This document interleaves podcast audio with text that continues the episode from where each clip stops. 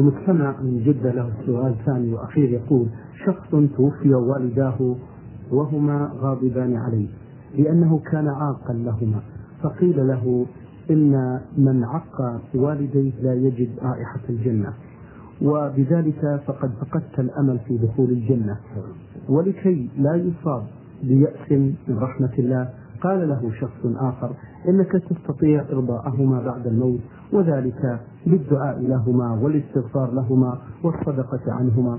وإن الله سبحانه وتعالى سيجمع بينكما يوم القيامة. ويخبر والديك بأن بأنك فعلت كذا وكذا من أجلهما فإن رضي عنك فإن الله سيعفو عنك. السؤال هو هل هناك أصل لما قاله هذا الشخص؟ بارك الله فيكم. هذه القضية عبرة لمن يعتبر تفيد أن الإنسان العاقل ينتهز الفرصة في القيام بما أوجب الله عليه لئلا تفوته الفرصة. فبإمكان هذا هذا السائل أن يكون بارا بوالديه قبل موتهما ولكنه سوف وأهمل وفرط حتى فات الأوان وانتقل من الدنيا إلى الآخرة. ولكني أقول له إن باب التوبة مفتوح. فإذا علم الله من عبده أنه قد ندم على ما صنع واستغفر ربه فإن الله تعالى يغفر له. ولا يترتب على فعله السابق شيء مما مما يكون في تركه وتطيعه فلا إثم عليه ولا عقوبة. وأرجو من الأخ السائل أن يستمع إلى هذه الآية الكريمة. والذين لا يدعون مع الله إلها آخر ولا يقتلون النفس التي حرم الله إلا بالحق ولا يزنون ومن يفعل ذلك يلقى أثاما يضاعف له العذاب يوم القيامة ويخلد فيه مهانا. إلا من تاب وآمن وعمل عملا صالحا فأولئك يبدل الله سيئاتهم حسنات وكان الله غفورا رحيما. فهذه الجرائم العظيمة الشرك وهو أعظم الذنب وقتل النفس وهو أعظم العدوان على البدن والزنا وهو أعظم العدوان على العرض. إذا تاب الإنسان منها وآمن وعمل عملا صالحا فإن الله يبدل حسناته يبدل سيئاته حسنات ويغفر له. ومن المعلوم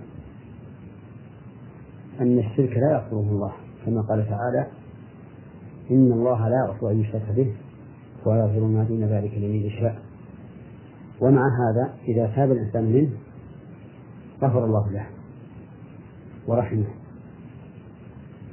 وإذا اتصف بالأوصاف الثلاثة آمن وعمل تاب وآمن وعمل عملا صالحا بدل الله سيئاته حسنات فليبشر هذا السائل إذا كان قد تاب إلى الله وندم على ما جرى منه من تقصير في حق والديه ليبشر بمغفرة الله له. وليسأل الله الثبات وليكثر مما أرشده إليه أخوه من الاستغفار لوالديه والدعاء لهما وإكرام صديقهما وصلة الرحم التي لا توصل إلا بهما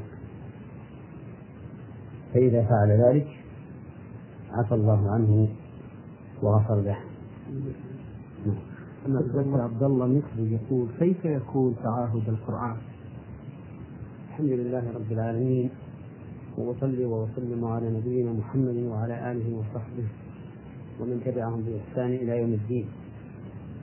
تعاهد القرآن يكون بمداومة تلاوته.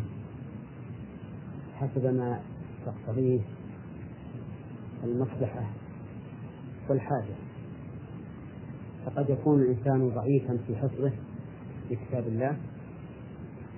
وهذا نقول له أكثر من تلاوته ومعاهدته لئلا يضيع منه شيء. وتارة يكون حفظه لكتاب الله قويا فهذا لا نلزمه من المعاهدة والمحافظة كما نلزم الأول. فهي تكون بحسب الحال أي بحسب حال حافظ القرآن. وضابطها أن يتعاهد القرآن على وجه يأمن فيه من نسيانه. ويختلف هذا باختلاف الناس. نعم. بارك الله فيكم. أيضا يسأل عن حكم الشرع في نظركم في المحاماة. نعم. المحاماة وهي المدافعة عن صاحب الحق. لا بأس بها في الأصل. فهي من قسم الوكالات. الجائزة إلا أنها أحيانا تجب وأحيانا تحكم فتجب المحاماة إذا كان لا يمكن استخلاص الحق لصاحب الحق إلا بها. فإن أخاك المسلم إذا استنجدت للمحافظة على ماله ودفاع أهل الظلم عنه كان من حقه عليك أن تعينه في هذا الشيء. وتكون محرمة إذا كان الإنسان يحامي لغيره في إثبات باطل أو إنكار حق. فإذا كان الإنسان قد جعل مهنة المحاماة وسيلة لإرضاء من وكله سواء كان محقا أو مبتلا فإن الدخول فيها حرام أما إذا دخل من أجل نصرة الحق ورد المظالم إلى أهلها فإن فإنه لا بأس بها بل قد تكون واجبة أو مندوبة بحسب ما تقتضيه الحاجة والمصلحة. نعم. بارك الله فيكم. هذه المستمعة من العراق بغداد رمزت اسمها بخاء واو. تقول في هذا السؤال فضيلة الشيخ تذكر بأنها تصلي الرواتب وتحمد الله على ذلك وتقول لكن مشكلتي في في فصل الشتاء أصلي صلاة الظهر مع العصر وذلك لأنني موظفة ولا أستطيع تأدية الصلاة في محل عملي وكذلك لا أستطيع الخروج من بيت الصلاة لبعد المسافة فتكون صلاة الظهر والعصر في فترة متقاربة لفتر نهار الشتاء فكيف أصلي راتبة الظهر والعصر؟ هل أجمعهما؟ قبل صلاة الفريضة. أم ماذا؟ أرشدوني جزاكم الله خيرا. أقول إن وقت الظهر يمتد إلى وصول وقت العصر فليس بينهما مسافة زمنية بل إذا خرج هذا دخل هذا وإذا علم هذا تبين أن الإنسان إذا صلى الظهر في آخر وقتها قريبا من العصر لم يكن جامعا بل هو مصلي للظهر في وقتها ومصلي للعصر في وقتها. وحينئذ نقول له إذا صليت الظهر فصلي الراتبة بعدها قبل أن تصلي العصر. لكن لو فرضنا أن الإنسان لا يمكن أن يصلي الظهر إلا بعد دخول وقت العصر واحتاج إلى أن يجمع بينها وبين العصر فلا حرج عليه أن يجمع بينها وبين العصر. لما ثبت في صحيح مسلم عن ابن عباس رضي الله عنهما أن النبي صلى الله عليه وسلم جمع بين الظهر والعصر وبين المغرب والعشاء في المدينة من غير خوف ولا مطر. قالوا ما أراد إلى ذلك؟ قال أراد أن لا يحرك أمته. أي أن لا يلحقها الحرج والضيق فيؤخذ من هذا الحديث أن الجمع إذا كان في تركه مشقة وحرج فإنه يكون جائزا. وهذه القاعدة داخلة في عموم قوله تعالى وما جعل عليكم في من حرج فلتنظر هذه السائلة هل هي تصل إلى بيتها قبل دخول وقت العصر فحينئذ تصلي الظهر في وقتها ولا تحتاج إلى الجمع. أو لا تصل إلى بيتها إلا بعد دخول وقت العصر فحينئذ تنوي الجمع. وإذا وصلت إلى بيتها جمعت بين الظهر والعصر. وتصلي الراتبة راتبة الظهر بين الظهر والعصر إن شاءت لأنه لا يضر الفصل. بين المجموعتين إذا كان الجمع جمع تخفيف. نعم. بارك الله فيكم. تقول عند الانتهاء من قراءة سورة الفاتحة والسورة التي تليها هل يجوز قول صدق الله العظيم؟ قول صدق الله العظيم بعد انتهاء التلاوة في الصلاة أو في غيرها بدعة وذلك لأنه لم يرد عن النبي صلى الله عليه وسلم ولا عن أصحابه أنهم كانوا إذا انتهوا من القراءة قالوا صدق الله. ومن المعلوم أن قول القائل صدق الله عبادة لأنه ثناء على الله في الصدق إذا كان عبادة فإنه لا يجوز أن نشرع من العبادات ما لم يشرعه الله ورسوله. فإن فعلنا ذلك كانت بدعة وكل بدعة ضلالة. وعلى هذا فالقارئ إذا انتهى من قراءته يسكت ولا يقول صدق الله العظيم ولا غيرها. لأن ذلك لم يرد عن النبي صلى الله عليه وسلم ولا عن أصحابه رضي الله عنهم وقد قرأ ابن مسعود رضي الله عنه على النبي صلى الله عليه وسلم شيئا من سورة النساء حتى إذا بلغ قول الله تعالى فكيف إذا جئنا من كل أمة بشهيد وجئنا بك على هؤلاء شهيدا؟ قال النبي صلى الله عليه وسلم حسبك قال فالكف فإذا عيناه تذرفان صلوات الله وسلامه عليه. ولم يقل مسعود صدق الله. ولا أمره النبي صلى الله عليه وسلم بذلك. كذلك قرأ عنده زيد بن ثابت سورة النجم حتى ختمها. ولم يقل النبي صلى الله عليه وسلم له قل صدق الله العظيم ولا قالها أيضا يدل هذا على أنه ليس من هدي النبي صلى الله عليه وسلم ولا هدي أصحابه أن يقولوا عند انتهاء القراءة صدق الله العظيم لا في الصلاة ولا خارج الصلاة. بارك الله فيكم. تقول مستمعة من العراق يملك أخي قلادة ذهبية لكنه لا يلبسها وإنما يحتفظ بها فقط لبعض الأحيان وبعض الأحيان آه، يقوم بحملها في جيبه فهل يصح عمله هذا؟ القلادة الذهبية لا بأس باقتنائها لكن بشرط أن لا يلبسها إن كان رجل ويجوز ويجوز لبسها للمرأة وإذا كان الرجل لا يلبس القلادة من الذهب فأي فائدة لأخيك أن يحملها أو يضعها في جيبه؟ أنا أخشى أنه يفعل ذلك من أجل أن يتبجح بها عند الناس حيث يخرجها أمامهم ويلعب بها في يده مثلا. وإلا فلا أظن عاقلا يحمل قلادة في جيبه من الذهب دون أن يصنع فيها شيئا.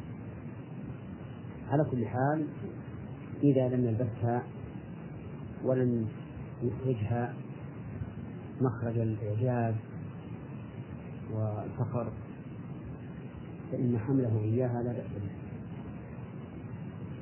ولكنني أقترح عليه أن يجعل هذه القلادة لزوجته إن كان متزوجا أو لأحد من نسائه من أقاربه. حتى يسلم من الإشكال الذي ورد علي الآن. بكونه يحملها بدون أن يلبسها أو أن يخرجها في يده مخرج الإعجاب. بارك الله فيكم. تقول سمعت من بعض الناس بأن غطاء الرأس بالنسبة للنساء أثناء تأدية الصلاة يجب أن يكون أبيض اللون أو من الألوان الفاتحة ولا يجوز أن يكون من الألوان الغامقة فما حكم الشرع في نظركم في هذا الموضوع؟ هذا الذي سمعت من أن المرأة تلبس عند الصلاة خمارا أبيض أو فتح اللون. لا أصل له. بل إن المرأة تلبس خمارا على ما تعتاده في غير الصلاة. إن كان أبيض فأبيض وإن كان أسود فأسود ولبسها للأسود أحسن لأن الذي عليها لباس أسود وهو العباءة وتناسب الخمار مع اللباس الآخر. أبعد من التبرج. وكلما كان أبعد من التبرج فهو أولى. في سؤال أخير للمستمع من العراق تقول فضيلة الشيخ ما حكم من من يصوم شهر رمضان وهو لا يصلي وكذلك سمعت من الناس أن الصوم الأول من شهر محرم. سنة فهل هذا صحيح؟ صوم رمضان لمن لا يصلي مردود عليه. وذلك لأن, لأن الذي لا يصلي كافر مرتد خارج عن الإسلام. ومن شرط ومن شرط صحة العبادة أن يكون الفاعل مسلما. كما فعله تارك الصلاة من صيام أو صدقة أو غيرهما من العبادات فهو باطل مردود عليه. ولكن إذا من الله عليه بالإسلام ورجع فصلى فإن الله يثيبه على ما عمل من عمل الخير في حال كفره. لأن الله اشترط لسقوط العمل بالردة أن يموت الإنسان على ذلك. فقال تعالى ومن يرتد منكم عن دينه فيموت وهو كافر فأولئك حبطت أعمالهم في الدنيا والآخرة. ولقول النبي صلى الله عليه وسلم أسلمت على ما أسلفت من خير. بارك الله فيكم. هذه مستمعة من الرياض. أرسلت برسالة بها مجموعة من الأسئلة. تقول في السؤال الأول ما حكم من يكون عليه جنابة قبل وقت السحور؟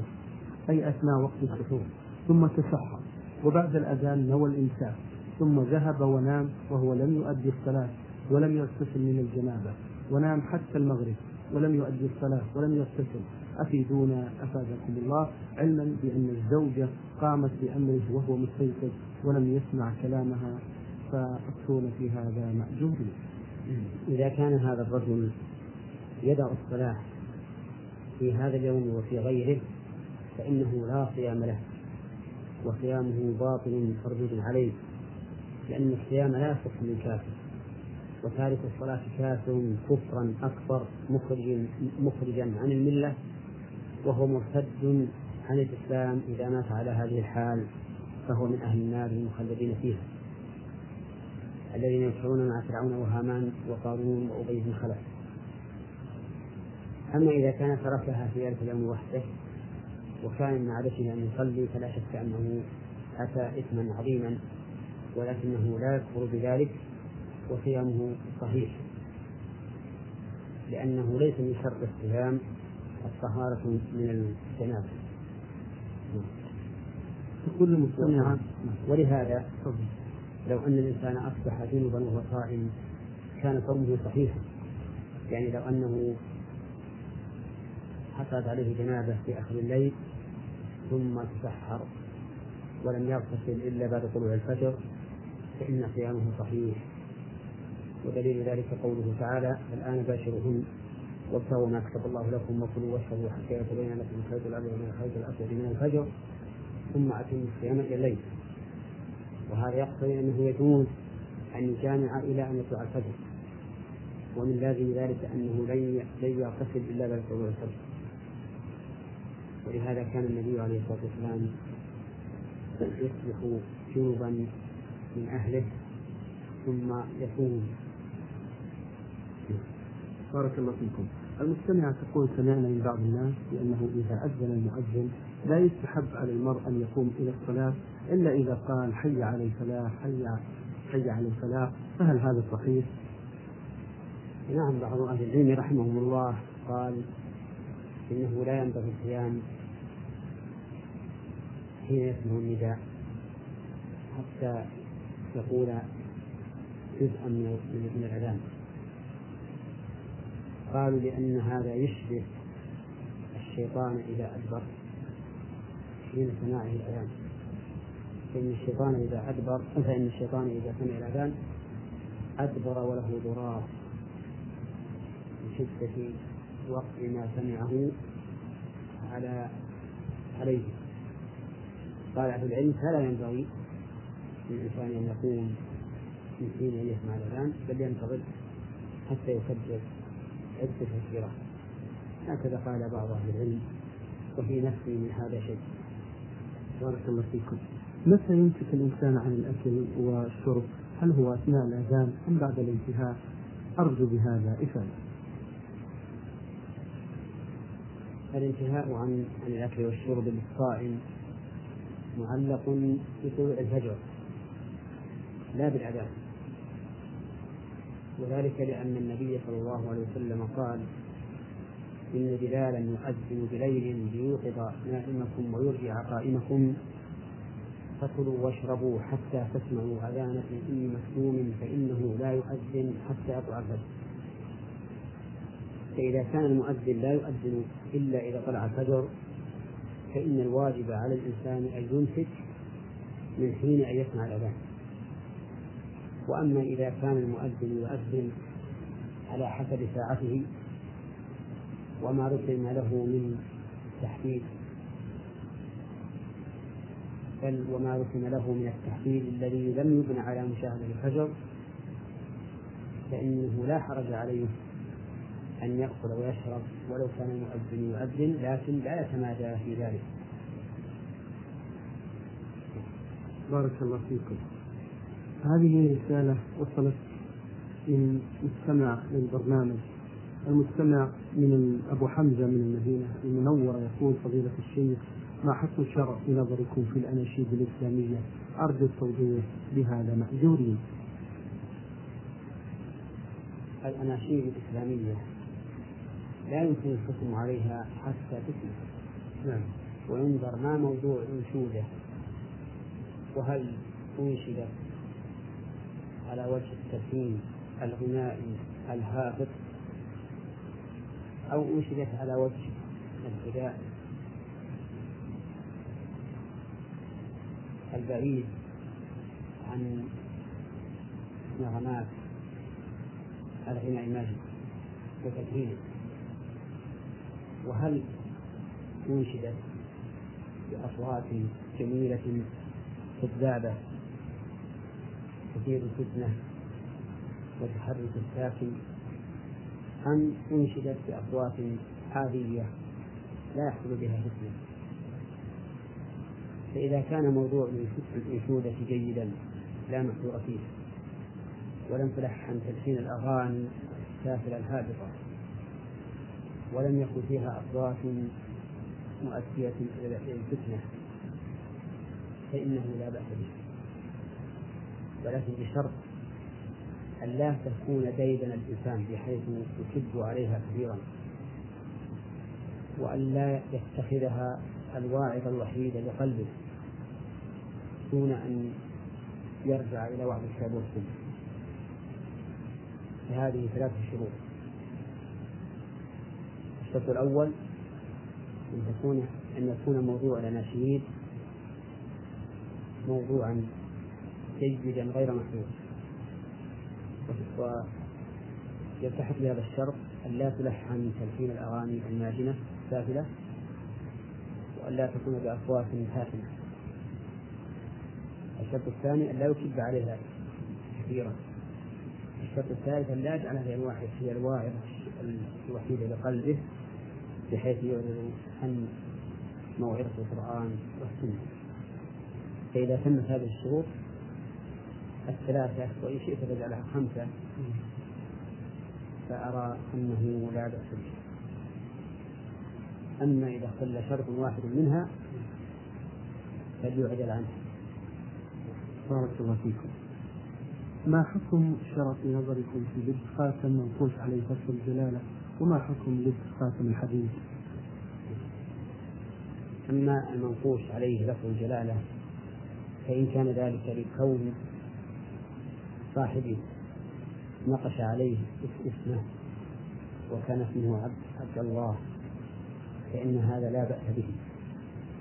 وقد كان خاتم النبي صلى الله عليه وسلم مكتوبا عليه محمد رسول الله. وأما إذا كتب لفظ الجلالة فقط فإن كتابة لفظ الجلالة فقط. على الخاتم أو غيره لا معنى له. ولا فائدة منه. لأنه ليس كلاما مركبا مفيدا. وغالب من يكتبه على هذا الوجه إنما يقصد التبرك بهذا الاسم. والتبرك باسم الله على هذا الوجه لا أصل له في الشرع. فيكون إلى البدعة أقرب أقرب منه إلى الإباحة. وأما لبس خاتم الحديث فالصحيح أنه لا بأس به. لقول النبي صلى الله عليه وسلم للرجل الذي طلب من النبي صلى الله عليه وسلم أن يزوجه المرأة التي وهبت نفسها للنبي صلى الله عليه وسلم ولم يردها قال له التمس ولو خاتما من حديد. وهذا الحديث بالصحيح وأما ما ورد من أن الحديد لباس أهل النار فقد قال بعض العلماء إنه حديث شاذ فلا يخرج بارك الله فيكم. المستمعة منار نون ألف جيم. تقول سمعت بأن المرأة الحائض عند سماعها الأذان لا يجوز لها أن تقول أشهد أن لا إله إلا الله وأشهد أن محمدا رسول الله. فهل هذا صحيح؟ هذا ليس صحيح المرأة الحائض والجنب يجوز لهما ذكر الله عز وجل. قالت عائشة رضي الله عنها كان النبي صلى الله صلى الله عليه وسلم يذكر الله على كل أحيانه وأما قراءة القرآن فهي للجنود حرام حتى يغتسل وأما الحائض فلها أن تقرأ من القرآن ما تحتاج إليه لتعليم أو تعلم أو تعاهد حفظ أو أوراد وأما ما لا تحتاج إليه فالأولى ألا تقرأه لأنه قد وردت أحاديث فيها مقال تدل على من في حائض من القرآن. ومن أجل هذه الأحاديث نقول الأولى ألا تقرأ القرآن إلا ما دعت الحاجة إليه. نعم. بارك الله فيكم تقول لي أخت متزوجة من رجل أبكم وأصم فهل يجوز لي أنا وأمي وأخواتي أن نجلس ونأكل من طعام واحد معه؟ يجوز هذا بشرط أن تحتجب المرأة عنه لأن الأصم الأبكم يرى نعم فإذا كان يرى فإنه لا يجوز للمرأة أن تكشف وجهها إلا أن تكون من محارمه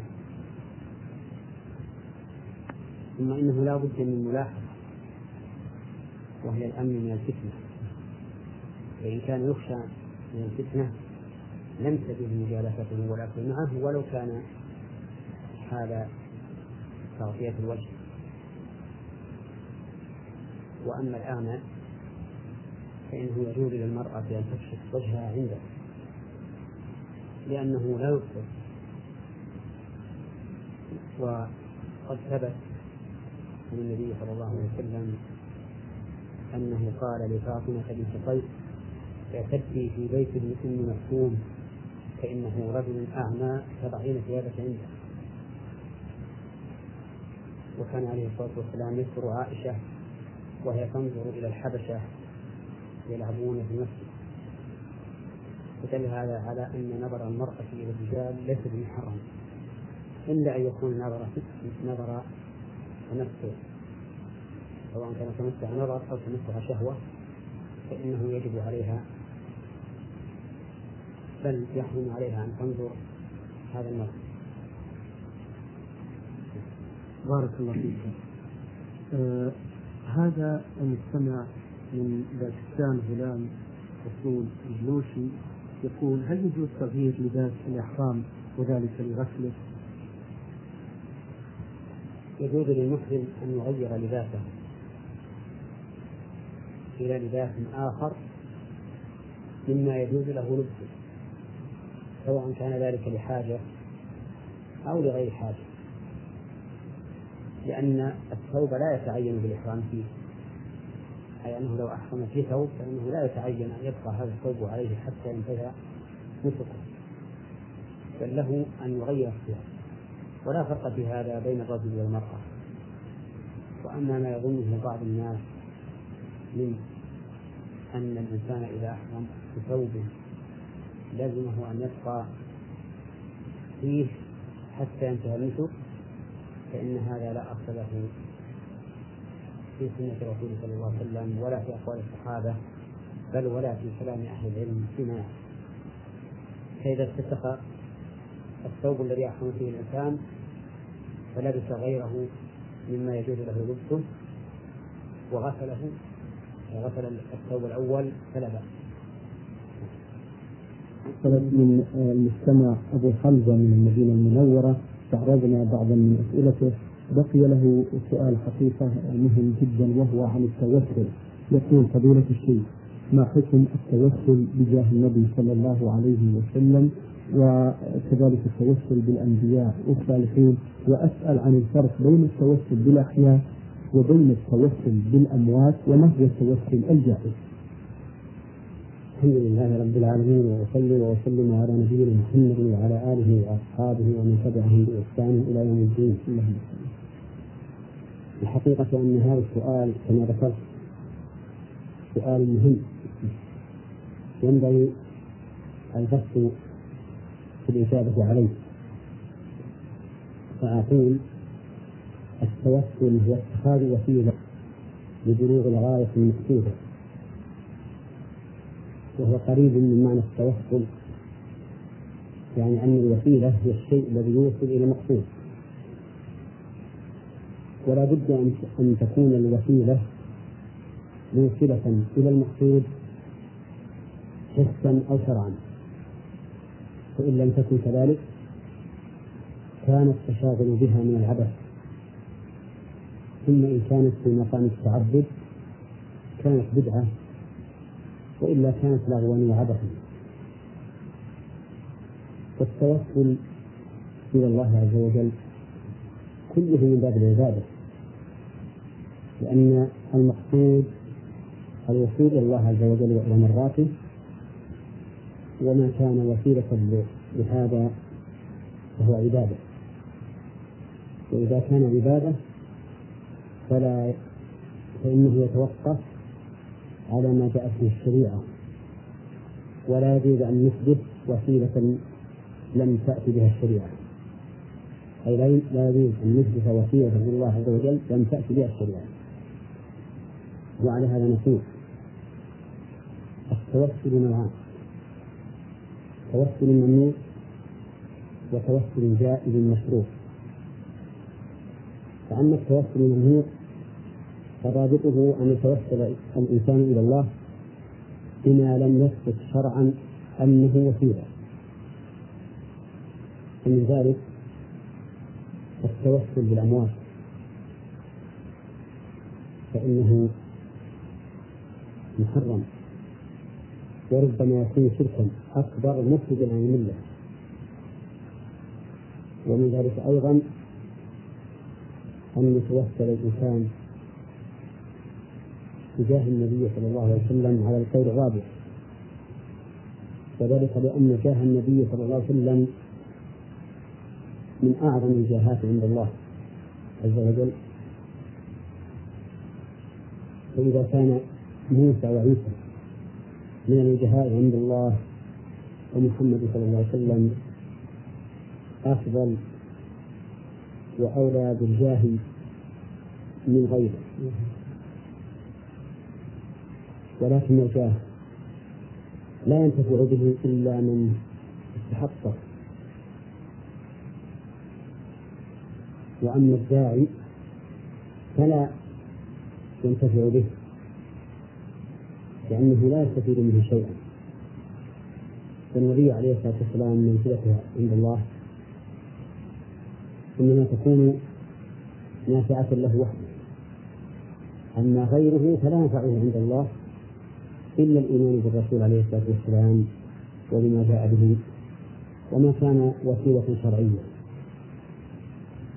وأما النوع الثاني وهو التوسل الجائز فإنه أقسام الأول التوسل إلى الله بأسمائه. مثل أن تقول اللهم إني أسألك بأسمائك الحسنى وصفاتك العليا أن تغفر لي بنفسك فهذا جائز. قال الله تعالى ولله الأسماء الحسنى فادعوه بها. وفي حديث ابن مسعود المشهور في دفع الهم والغم أسألك اللهم بكل اسم هو لك سميت به نفسك أو أنزلته في كتابك أو علمته أحد من خلقك؟ أو استأثرت به في علم الغيب عندك؟ أن تجعل القرآن العظيم ربيع قلبي إلى آخره؟ وهنا قال أسألك بكل اسم هو لك سميت به نفسك إلى الحديث. فالتوسل إلى الله بأسمائه توسل صحيح مشروع. سواء توسلت بأسمائه عموما مثل أن تقول أسألك بأسمائك الحسنى أسألك بكل اسم هو لك أو باسم معين من أسمائك كما لو قلت اللهم أنت الغفور الرحيم فاغفر لي وارحمني. الثاني التوسل إلى الله بصفاته.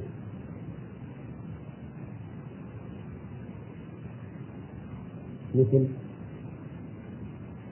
أو كما جاء في الحديث اللهم بعلمك الغيب وقدرتك على الخلق أحيني إذا علمت الحياة خيرا وتوفني إذا علمت الوفاة خيرا. فهنا سأل الله بصفة من صفاته بعلمك الغيب وقدرتك على الخلق. ومنه توسل الاستخارة اللهم إني أستخيرك بعلمك وأستخيرك بقدرتك وأسألك من فضلك العظيم. الثالث التوسل الله بأفعاله. يعني تتوسل بفعل من أفعال الله فعله في غيرك ليجعل لك مثل ما فعل في غيرك ومن ذلك اللهم صل على محمد وعلى آل محمد كما صليت على إبراهيم وعلى آل إبراهيم إنك حميد مجيد. وهنا توسلنا إلى الله بفعل من أفعاله وهو صلاته على إبراهيم. وعلى آل إبراهيم أن يصلي على محمد وعلى آل محمد. الرابع التوسل إلى الله بالإيمان به. ومن ذلك قوله تعالى ربنا إننا سمعنا منادى ينادي بالإيمان أن آمنوا بربكم فآمنا. ربنا فاغفر لنا ذنوبنا وكفر عنا سيئاتنا وتوفنا على الأبرار. فتقول اللهم إني أسألك بالإيمان بك وبرسولك أن تغفر لي وأن تؤمنني من الهدى الأكبر يوم الدين. وما أشبه الخامس التوسل إلى الله بالأعمال الصالحة. يعني يتوسل الإنسان بعمله الصالح إلى الله عز وجل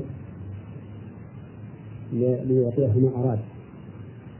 ومن ذلك قصة أصحاب الغار الثلاثة الذين انطبق عليهم انطبقت عليهم الحصة وهم في الغار ولم يستطيعوا زحزحتها فتوسلوا إلى الله تعالى بأعمالهم الصالحة. توسل أحدهم ببر والديه.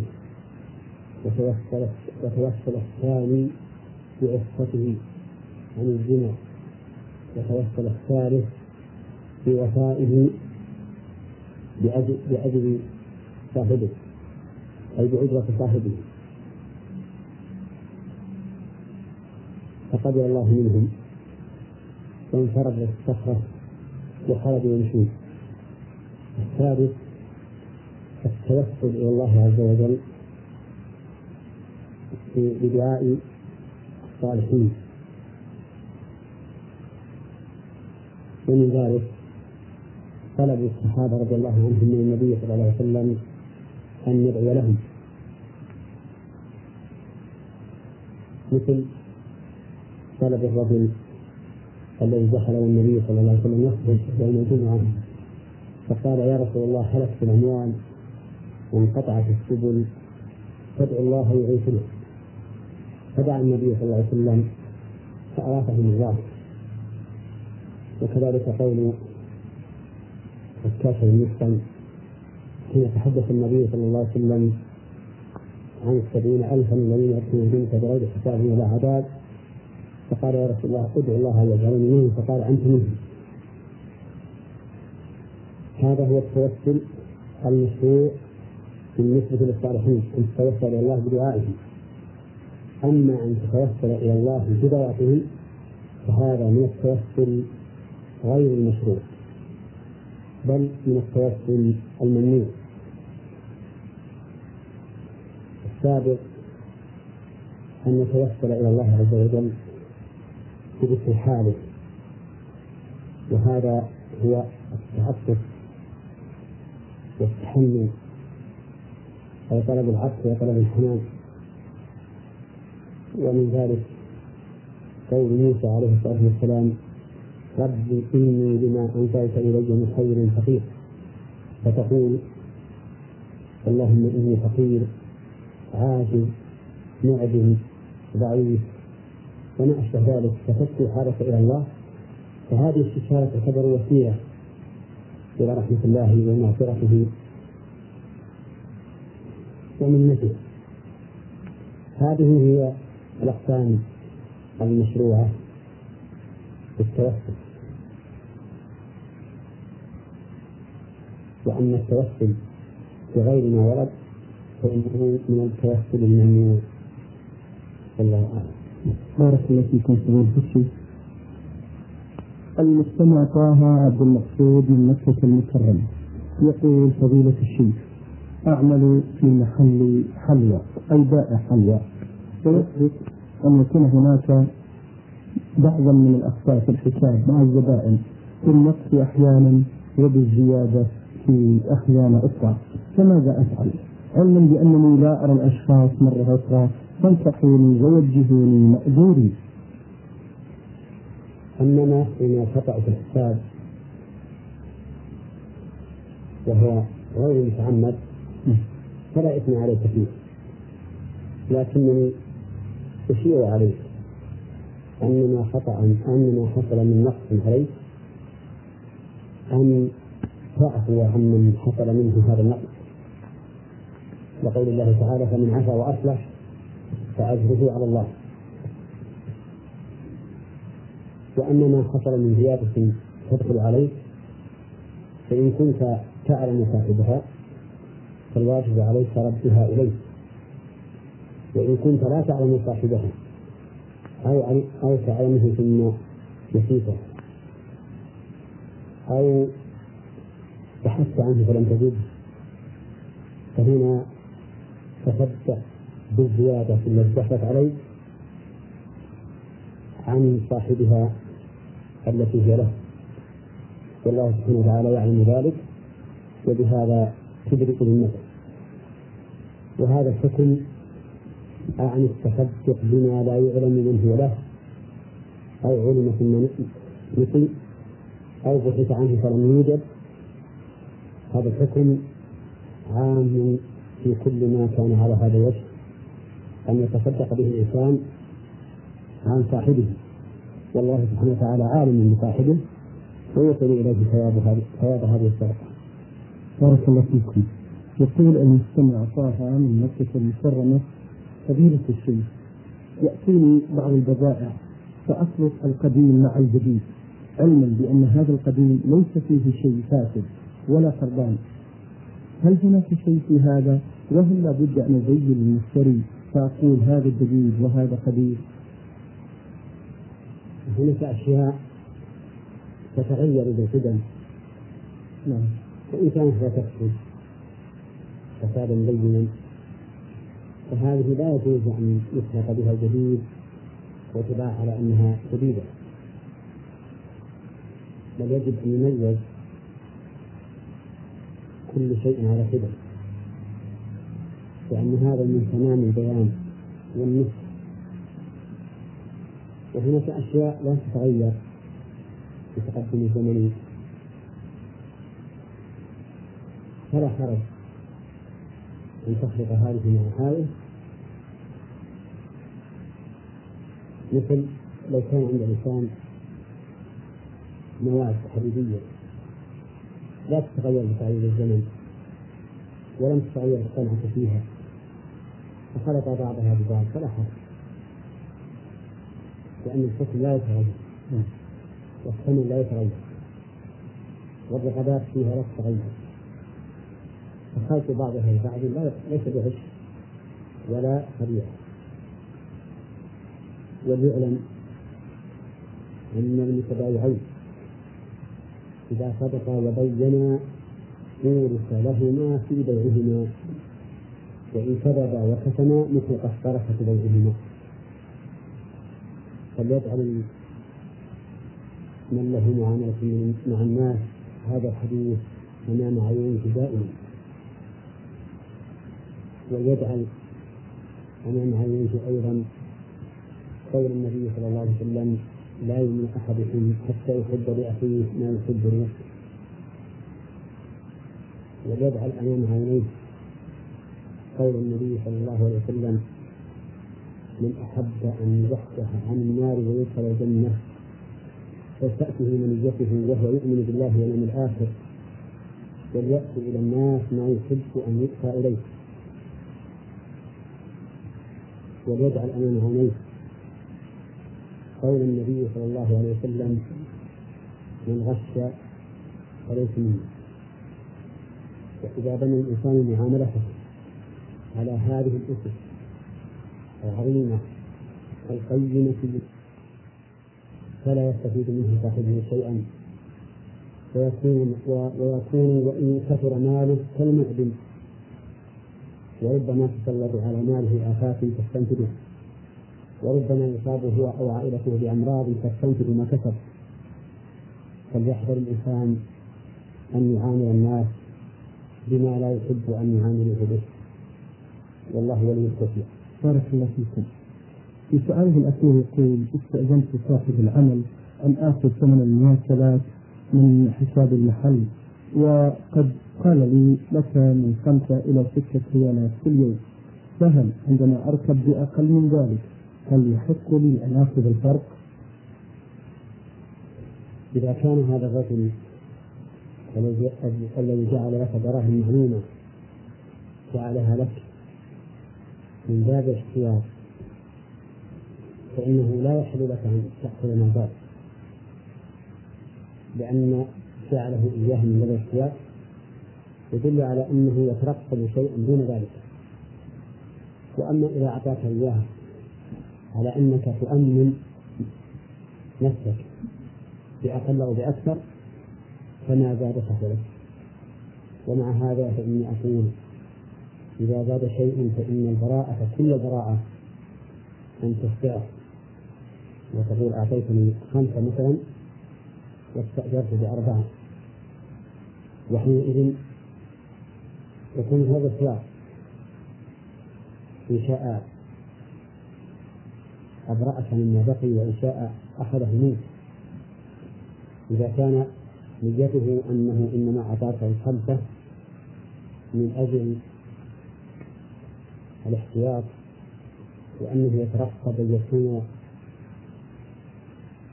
المستهلك أقل من الخمسة أما إذا كان قد أعطاك بنية أنه لك وأنك تأمن نفسك بما شئت فأرى أن لا يأخذ منك ماذا؟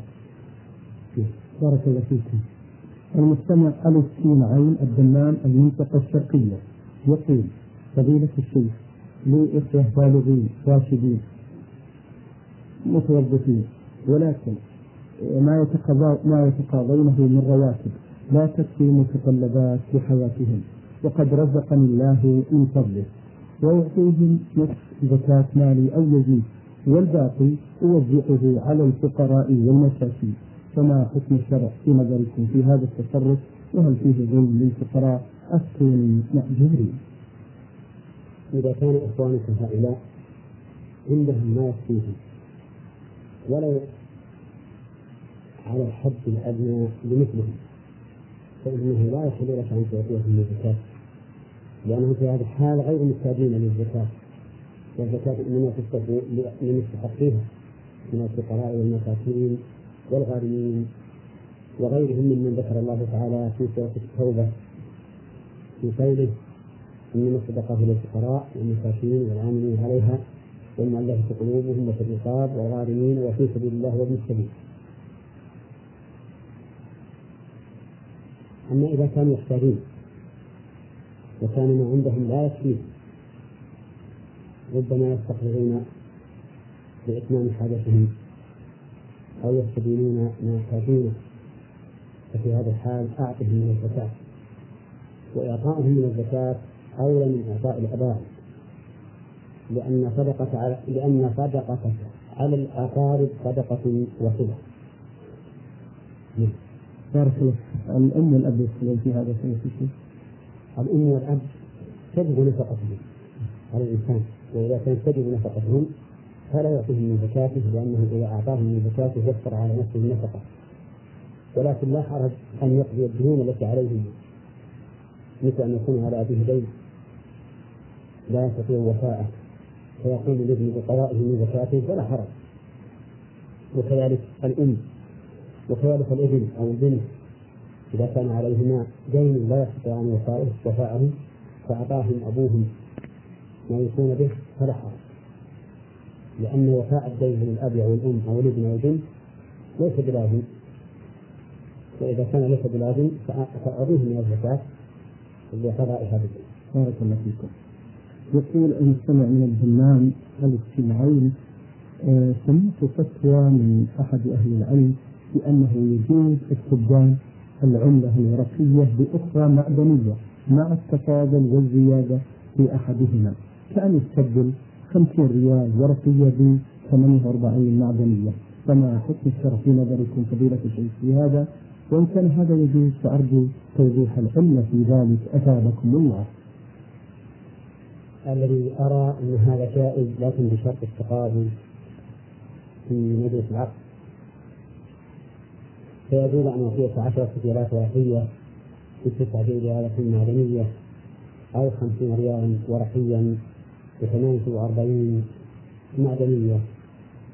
أو بالعكس يعني يعطيك عشرة ريالات ورقية بأحد عشر ريالا معدنيا لأنه أحيانا يكون ضابط في هذا وأحيانا تكون ضابط في هذا. نعم. وذلك لاختلاف الجنس وإن كانت القيمة في نظر الحكومة واحدة لكن الجنس مختلف. والتقييم هذا تقييم نظامي ليس تقييما حقيقيا بدليل أن الحكومة لو شاءت لجعلت بدل الريال الورقي ريالين من هذا من آه، الريال المعدني أو أكثر أو أقل فإذا كان هذا ثمنا بحسب نظام الحكومة لا بحسب الواقع فإن التفاضل لا بأس به. وهكذا نقول في جميع الأوراق النقدية إذا اختلفت اختلف جنسها فإنه يجوز فيها التفاضل لكن بشرط التقابل في مجلسها. وهذا الذي قلته قوله مثلا بين من يقول إنه لابد من التساوي والتقابل وبين من يقول وبين قول من يقول إنه لا يشترط التقابل ولا التساوي فهذا القول وسط أن ما عدا الذهب والفضة إذا اختلف جنسه فإنه يجوز فيه التفاضل ولكن بشرط القبض العقد أما الذهب والفضة فإنه إذا بيع الذهب بالذهب فلا بد من أمرين التساوي وزنا والتقابل في نفس وإذا بيع الفضة بفضة فلا بد من هذين الأمرين أيضا التساوي وزنا والتقابل في نفس وإذا بيع ذهب بفضة وإن كان كل منهما نقدا فالدراهم بالدنانير فلا بد من التقابل في نفس العقد وأما التساوي فليس بشرط. نعم. بارك الله فيكم نختم آه الحلقة فضيلة الشيخ في سؤال أخير للمستمع من الدمام يقول لي أخت كبيرة وغير متزوجة وتعيش مع والدتي في مكان واحد فيأكلون ويشربون في وعاء واحد فإذا أعطيتها من زكاة مالي لا يساعدها على المعيشة ولا سيما أنها لا تعمل في شيء واختلط هذا المال بمال والدتي التي أنفق عليها فهل فيه حرمة أو شبهة؟ فقد تأكل والدتي من هذا المال. نظرا لمعيشتهم معا أفتونا مأجورين. إذا كانت قصة هذه عند أبيها وأبوها قادر على الإنفاق عليها وكان ينفق عليها فإنه لا يحل لك أن تعطيها من زكاة. لأنها مستغنية بما ينفق عليها والدها. أما إذا كان والدها فقيرا أو كان غنيا لكن لا يأتيها ما يلزمه من النفقة؟ فلا حرج عليك أن تعطي أختك من زكاتك ما يكفيها لمدة سنة. وفي هذه الحال يجوز لأختك أن تجعل ما تعطيه إياها من الزكاة في مع مال أمها أو مال أبيها وينفق عليه عليه وعلى وينفق على البيت من هذا المال المختلط والإنسان إذا قدر المال على وجه شرعي فإنه يكون ملكا.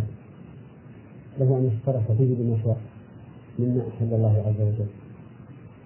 فيعطيه من يحرم على المعطي الأول وطائف ودليل ذلك أن النبي صلى الله عليه وسلم دخل بيته ذات يوم وقدم إليه طعام فقال ألم ألم أرى البرمة على النار؟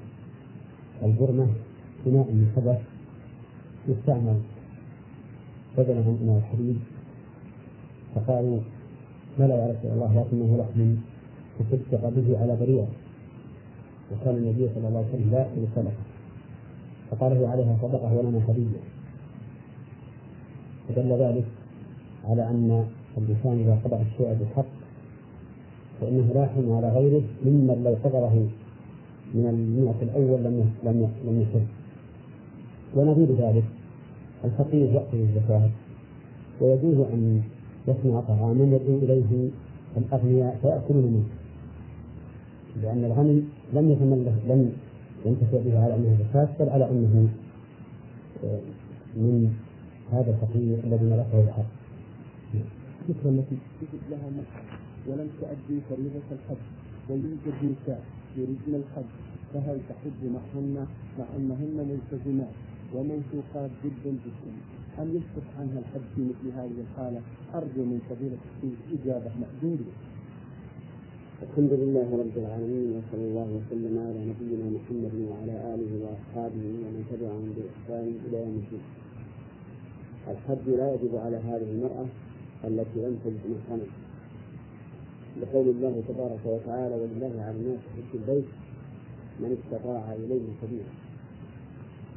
وهذه المرأة وإن كانت مستطيعة استطاعة حسية فإنها غير مستطيعة استطاعة شرعية. وذلك لأنه لا يحل للمرأة أن تسافر إلا مع ذي محرم. وقول ابن عباس رضي الله عنهما سمعت رسول الله صلى الله عليه وسلم يخطب يقول لا تسافر امرأة إلا مع ذي محرم فقام رجل فقال يا رسول الله إن امرأتي خرجت حاجة وإني استفدت في غزوة كذا وكذا. فقال النبي صلى الله عليه وآله وسلم انطلق فحج مع امرأته فأمره النبي صلى الله عليه وسلم أن يدع الغزو وأن ينطلق فيحج مع امرأته. ولم يستفسر النبي صلى الله عليه وآله وسلم في هذه الحال هل هل المرأة معها نساء ملتزمات وهل هي آمنة أو غير آمنة؟ وهل هي شابة أو عجوز؟ فلما لم يستقبل بل أمر هذا الرجل أن يدع الغزو ويذهب إلى ويذهب ليحج مع امرأته كل ذلك على الجنود وأنه لا يحل للامرأة أن تسافر في الحج ولا لغيرها أيضا إلا مع ذي محرم حتى وإن كانت آمنة على نفسها وإن كانت مع نساء. وهي في هذه الحال غير مستطيعة شرعا. فلو توفيت ولاقة الله عز وجل فإنها لا تكون مسؤولة عن هذا الحد لأنها معذورة. لكن من العلماء من قال إن المحرم شرط لوجود الحد وعلى هذا فلا يلزمها أن تستنيب من يحج عنها إذا كانت تاجرة بمالها. لأن هذا الوجوب إذا انتفى يسقط به يسقط بانتفاء الوجوب. ومن العلماء من قال إن المحرم شرط للزوم الأداء أي للزوم حدها بنفسها. وبناء على هذا يلزمها إذا كان عندها مال أن تقيم من الحج عنها. وإذا توفيت فإنه يجب إخراج الحج عنها إن تركت بها. على كل حال نقول لهذه السائلة اطمئني فأنت الآن لست آثمة إذا أنت حج بل إذا حججت فأنت آثمة وإذا مت فليس في بالنسبة شيء لأنك غير لأنك غير مستطيع في شرعها وكثير من الناس يكون مشتاقا للحج ومحبا للحج. فيرتكب معه بعض المحرمات من أجل تحقيق رغبته وإرادته ومحبته. وهذا غير صحيح بل الصحيح بل الصحيح والحق أن تتبع ما جاء به الشرع في هذه الأمور وغيرها. فإذا كان الله تعالى لم يلزمك بالحج فلا ينبغي أن تلزم نفسك بما لم يلزمك ومثال ذلك أن بعض الناس يكون في ذمته دين في أحد من ثمن النبي أو غيره مثله أو إجارة أو غير ذلك فتجده يذهب للحج وذمته مسؤولة بهذا الدين مع أن الحج في هذه الحال لا يجب عليه بل هو بمنزلة الفقير لا تجب عليه الزكاة وكذلك هذا الذي عليه الدين لا يجب عليه الحج ولا يكون آثما بتركه ولا مستحقا للعقاب إذا لاقى الله عز وجل لأنه معذور. فوفاء الدين واجب والحج مع الدين ليس بواجب والعاقل لا يقوم بمثل ما ليس بواجب ويدعو ما هو واجب لذلك نصيحة للإخوان الذين عليهم ديون ولا وليس ولم يحج من قبل نصيحة لهم أن يدعوا الحج حتى يغنيهم الله عز وجل ويقضي ديونهم ثم يحجون. نعم لو كان الدين مؤثرا وكان عند الإنسان مال وافر بحيث يضمن لنفسه أنه كلما حل قسط من هذا الدين فإنه يقيه فهذا إذا كان بيده مال عند حلول وقت الحج فإن به ولا ولا بأس بذلك. بارك الله فيكم شيخ محمد، شيخ محمد الحقيقة ونحن نتحدث عن سفر المرأة. يتعلم كثير من الناس في الآن قصر المدة الآن مثلا من الرياض إلى الساعة. وأيضا هذه الطائرة موجود فيها كثير من النساء وكثير من الرجال. يقول أنها مأمونة هل يحكم على ذلك؟ تعليق على ذلك أنه ليس المقصود الأمن وعدم الأمن. بدليل أن النبي صلى الله عليه وآله وسلم لم يفصل في الحديث الذي ذكرناه آنفا. نعم. ولو كان يدار على الأمن لاستفسر النبي صلى الله عليه وآله وسلم عن هذا. ثم أن الأمن ليس مضمونا في سفر الطائرة أولا لأن الطائرة ربما تقلع في الموعد المقرر وربما تتأخر لأسباب فنية أو جوية. فتبقى المرأة في المطار هائمة رائعة لأن محرمها قد رجع إلى بيته بناء على أنها دخلت الصالة أو أذن لهم بركوب الطائرة ثم تأخرت الطائرة وإذا قدر أن هذا المحظور زاد وأن الطائرة أقلعت اتجهت إلى محل هبوطها فهذا غير مضمون أن تهبط المكان الذي قرر فيه الهبوط لأنه لأنه يجوز أن يتغير الجو. فلا يمكنها الهبوط في المكان المقرر. ثم تذهب السائرة إلى مكان آخر يستهدف فيه. وحينئذ تبقى هذه المرأة هائمة سائرة. أو تتعلق بمن لا يؤمن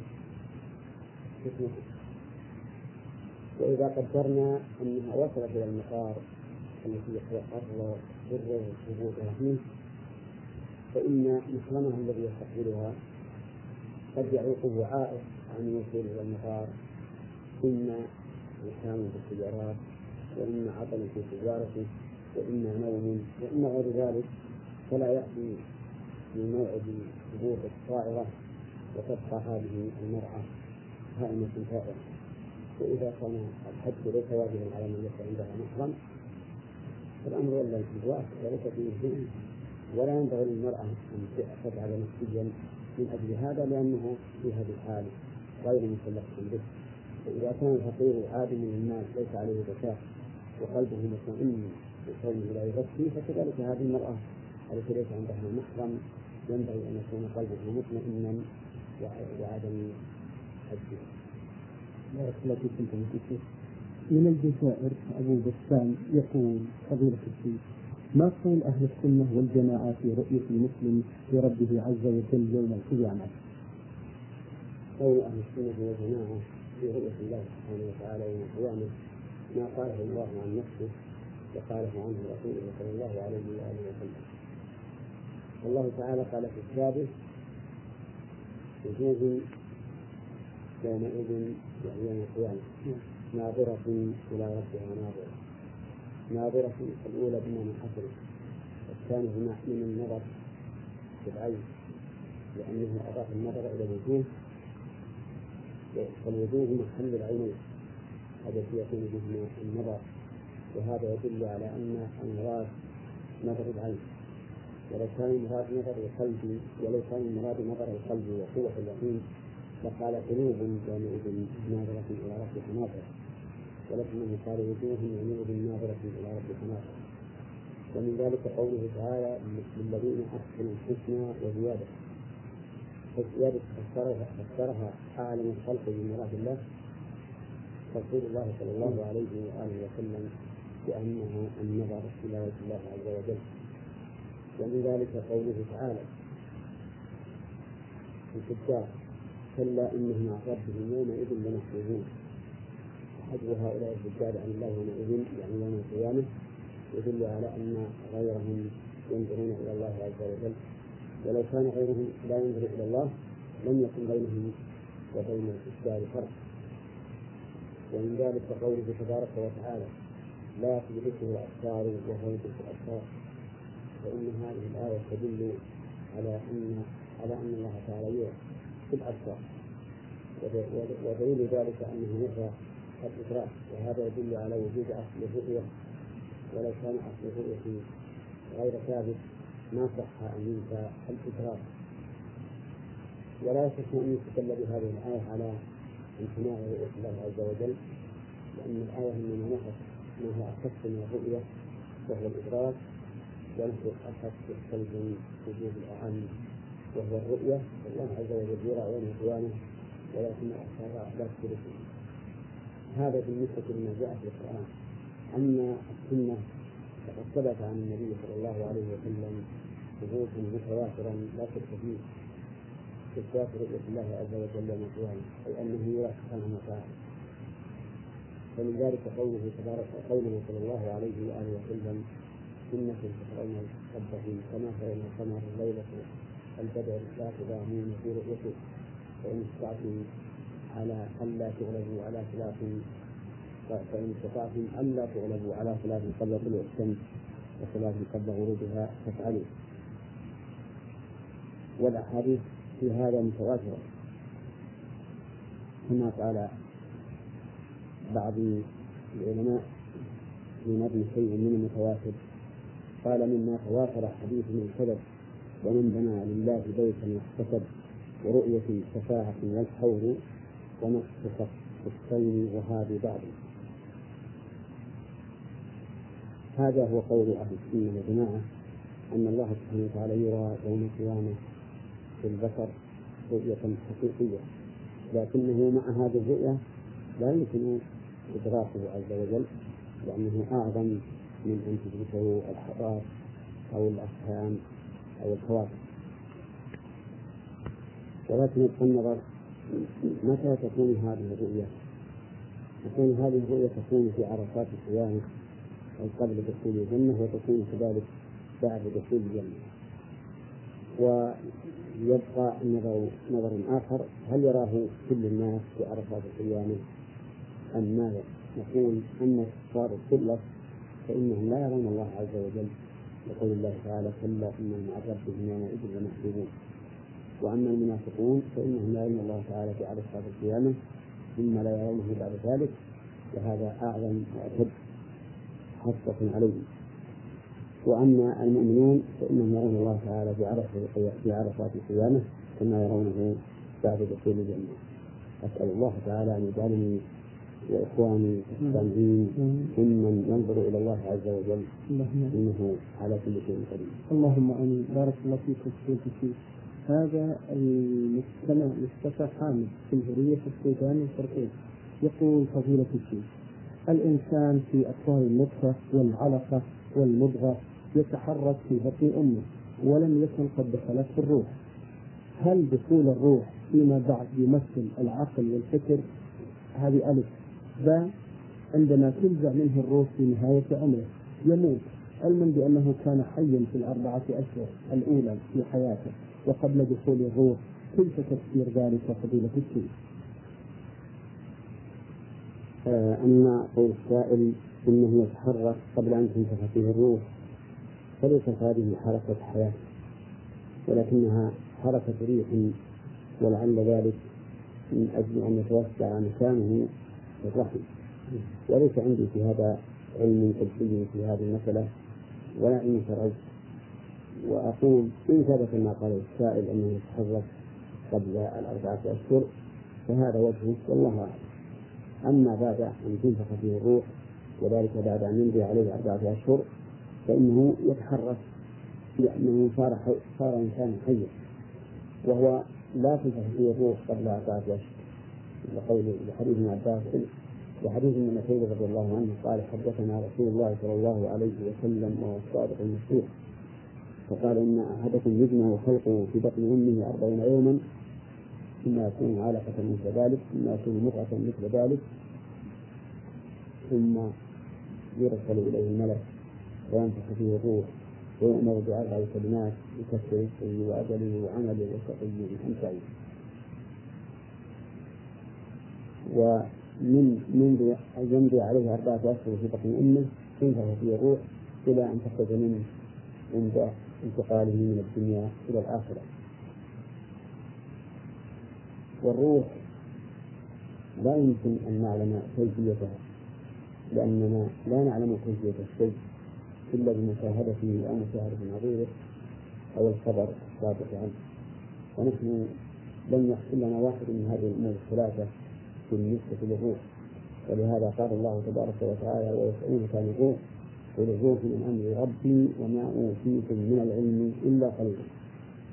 لكن ثبت في الصحيح أن النبي صلى الله عليه وسلم قال إن الميت إذا قبر يعني إذا قبرت روحه فإن بصره يتبع روحه. أي يشاهد الروح خارجة من جسده. ولكن لا يمكن أن يدرك كيفيتها وحق رسالته عليه ولو أدركها في هذا الحال. لم يكن لنا سبيل إلى الوصول إلى علمها بارك الله فيكم. هذا السائل محمد عبد المحسن المصري مقيم بالمنة يقول فضيلة الشيخ هل في أكل الدواجن الخبز إذا خلط مع طعامهم بالتسليم وهذا الخبز الشريف وهو متوفر وكثير والحمد لله. ولا يؤثر على شيء. فما رأيكم في ذلك؟ بارك الله فيكم.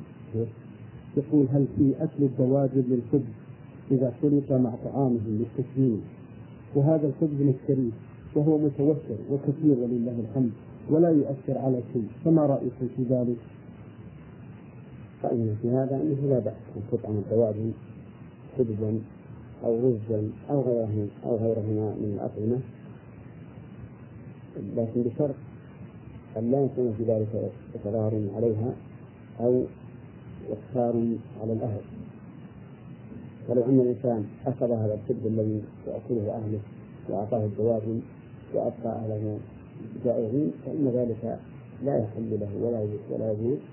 لكن إذا كان عنده وفرة وأطعم الدواجن شيئا من قيمة بني آدم فإن ذلك لا بأس به بشرط أن لا يلحق هذه الدواجن ضرر. بارك الله فيكم. يقول هل يجوز أكل ذبيحة الذي يذهب إلى الأضرحة ويتبرك بها ويتوسل بها أو الصلاة خلف مثل هذا وجزاكم الله خيرا. الذين يذهبون إلى الأضرحة على أقسام القسم الأول من يذهب إلى الضريح ليدعوه ويستغيث به ويستنكره ويستجيب الرزق من عنده فهذا مشرك شركا أكبر لا تحل ذبيحته ولا إمامته في الصلاة. لأن لأن الله عز وجل يقول إن الله لا يغفر أن يشرك به ويغفر ما دون ذلك لمن يشاء ومن يشرك بالله فقد ضل ضلالا بعيدا. وفي الآية الأخرى فقد اشترى إثما عظيما. الثاني من يذهب إلى أضرحة ليدعو الله تعالى عنده معتقدا أن الدعاء عندها أفضل من الدعاء في المسجد أو في البيت. وهذا لا شك أنه ضلال وخطأ وجهل لكنه لا يصل إلى حد الكفر لأنه إنما يذهب بدعاء الله وحده ولكنه يعلم أن دعاءه عند هذا القدر أفضل وأقرب إلى الإجابة. الوجه الثالث أن يذهب إلى الأضرحة من أجل أن يطوف بها. تعظيما لله عز وجل بناء على أن هذا على أن صاحب الضريح من أولياء الله وأن تعظيمه تعظيم لله عز وجل فهذا مبتدع ولا يكون مشركا شركا أكبر لأنه لم يقف تعظيما لصاحب القبر وإنما طاف تعظيما لله. أما لو طاف بالقبر تعظيما لصاحب القبر فإنه يوشك أن يكون مشركا شركا أكبر. الرابع من يذهب إلى الأضرحة ذهابا شرعيا ليزورها ويدعو لأهلها. وهذا ذهاب شرعي. لقول الله لقول النبي صلى الله عليه وسلم كنت نهيتكم عن زيارة القبور فزوروها فإنها تذكركم الآخرة. وثبت عنه صلى الله عليه وآله وسلم أنه كان بنفسه يخرج إلى الفقير فيدعو فيدعو لهم. والدعاء المستحب في هذه الزيارة أن تقول السلام عليكم دار قوم مؤمنين وإنا إن شاء الله بكم لاحقون. يأتي الله المستقيمين منا ومنكم والمستأخرين. نسأل الله لنا ولكم العافية. اللهم لا تحرمنا أجرهم ولا تحرمنا بعدهم واغفر لنا ولهم.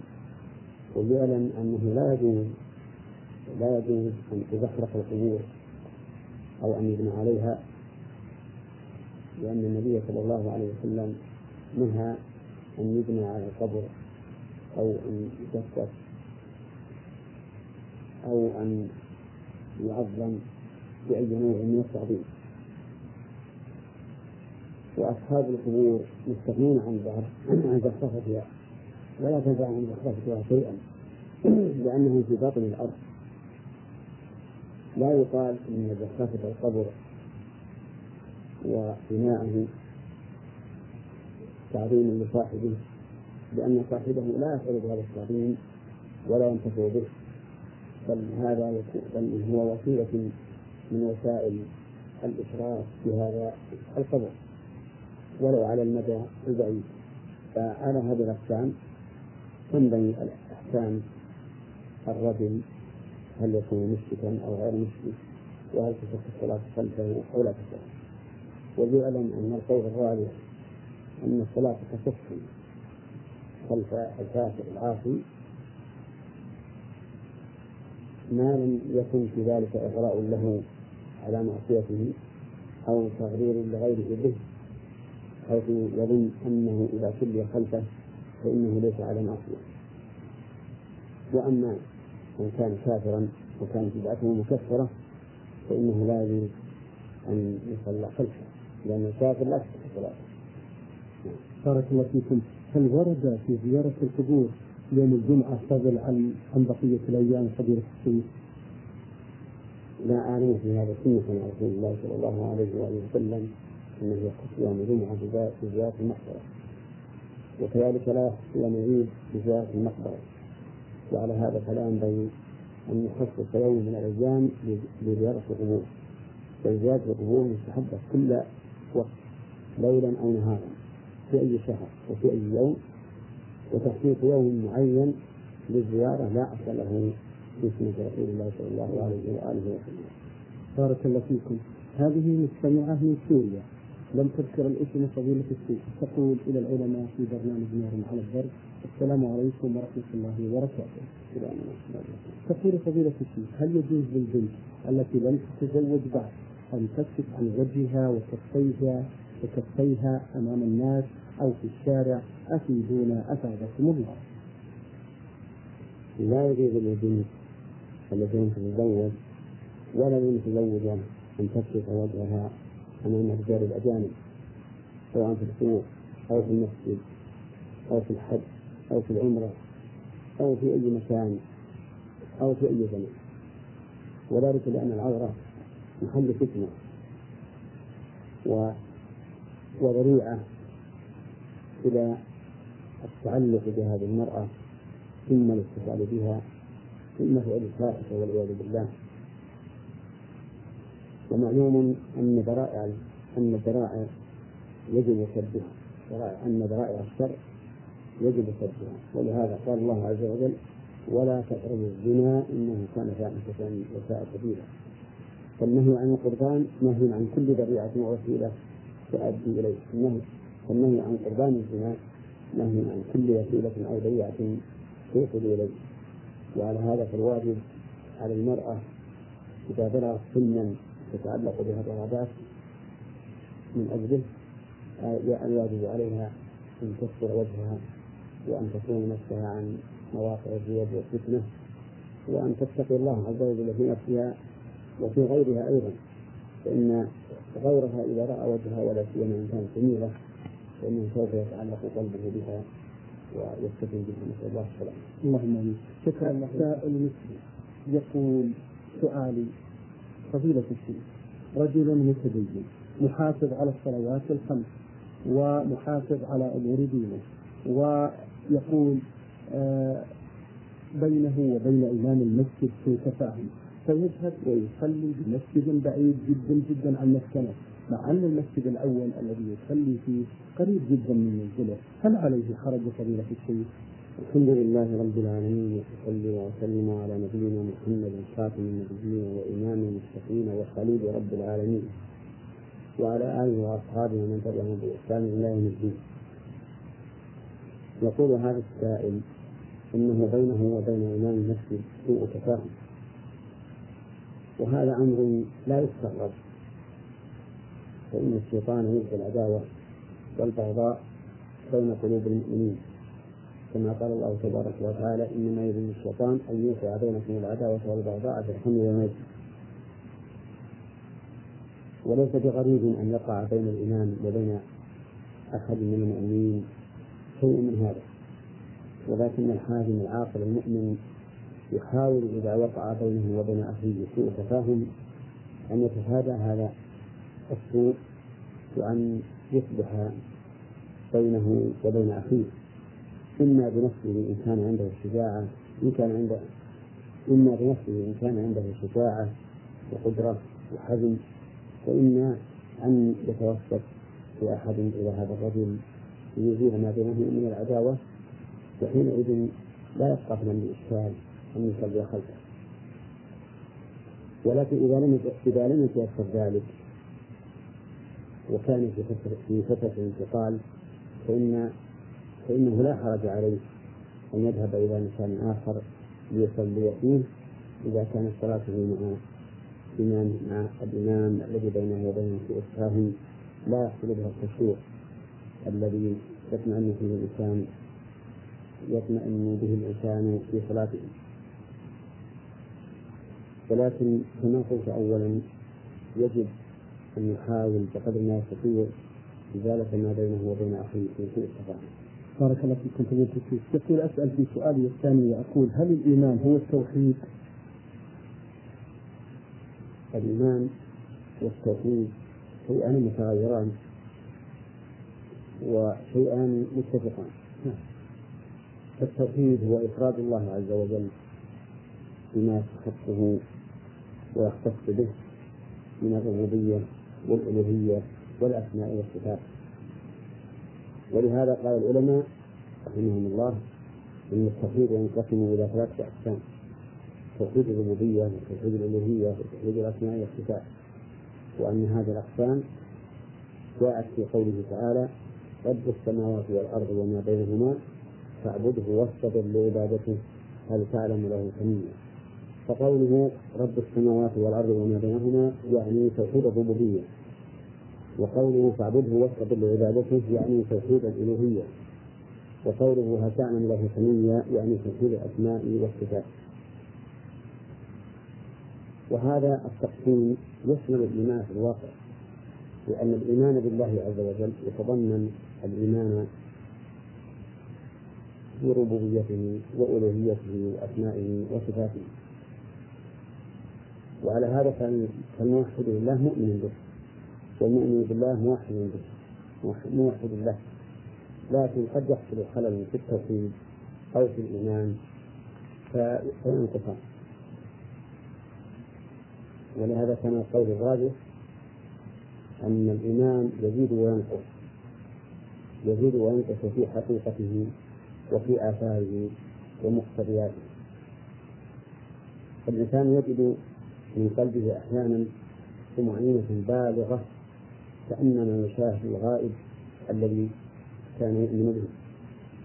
وأحيانا يحصل له شيء من قلة هذا اليقين الكامل. وإذا شئت أن تعرف أن اليقين يتفاوت فاقرأ قول الله تعالى عن إبراهيم خليله عليه الصلاة والسلام وإذ قال إبراهيم ربي أرني كيف تحيي الموتى قال أولم تؤمن؟ قال بلى ولكن ليطمئن قلبي. كما أنه أيضا يزيد في آثاره ومقتضياته فإن الإنسان كلما ازداد عملا صالحا ازداد إيمانه حتى يكون من المؤمنين الصالحين بارك الله فيكم. هذا المستمع آه الذي رمز لاسمه بألف ميم ميم من قرية السهل. يقول فضيلة الشيخ إنني أبيع وأشتري في السيارات في التخطيط وأنا عندي أكثر من سبعين زبون يشترون بالتخطيط لمدة ثلاث سنوات والبعض منهم يقوم بتأخير القسط شهريا فأشتكيه وآخذ حقي منه. هل علي خطأ في شكواي لهم عن حقي المتأخر؟ أفيدوني أفادكم الله. إذا كان هذا الذي حل عليه القسط قادرا على الوفاء فلك الحق في مطالبته ورفع أمره إلى ولاة الأمور ليخرجوا حقك منه. وأما إذا كان مؤثرا فإنه ليس لك أن تطلبه ولا أن تطالبه ولا أن ترفعه إلى ولاة الأمور. وقول الله تعالى وإن كان ذو عسرة فنظرة إلى ميسرة وأن تصدقوا خير لكم إن كنتم تعلمون. وإنني بهذه المناسبة أحذر إخواننا الذين يكون لهم ديون على المعسرين فيؤذون هؤلاء المعسرين بالطلب والمطالبة ويرفعونهم إلى الجهات المسؤولة وهذا الدائم لا شك أنه آثم. إذا طالب المأسور بوفاء الدين لأنه عاصم لقول الله تعالى وإن كان ذو عسرة فنظرة إلى ميسرة وأن تصدقوا خير لكم. أما بالنسبة للمدينين فإنني أيضا أوجه إليهم نصيحة بأن يتقوا الله في أنفسهم وأن لا يستدينوا شيئا إلا عند الضرورة القصوى التي لا بد لهم منها. وذلك لأن الدين خطره عظيم فإنه هم في الليل وذل في النهار. وكان النبي صلى الله عليه وآله وسلم قبل أن يفتح الله عليه إذا قدم إليه الميت يسأل عليه دين لا وفاء له فإن قالوا نعم لم يصلي عليه صلى الله عليه وآله وسلم. وهذا يدل على عظم الدين. وثبت عنه صلى الله عليه وآله وسلم أنه سئل عن الشهادة في سبيل الله. وأنها تكفر الخطايا؟ فقال نعم.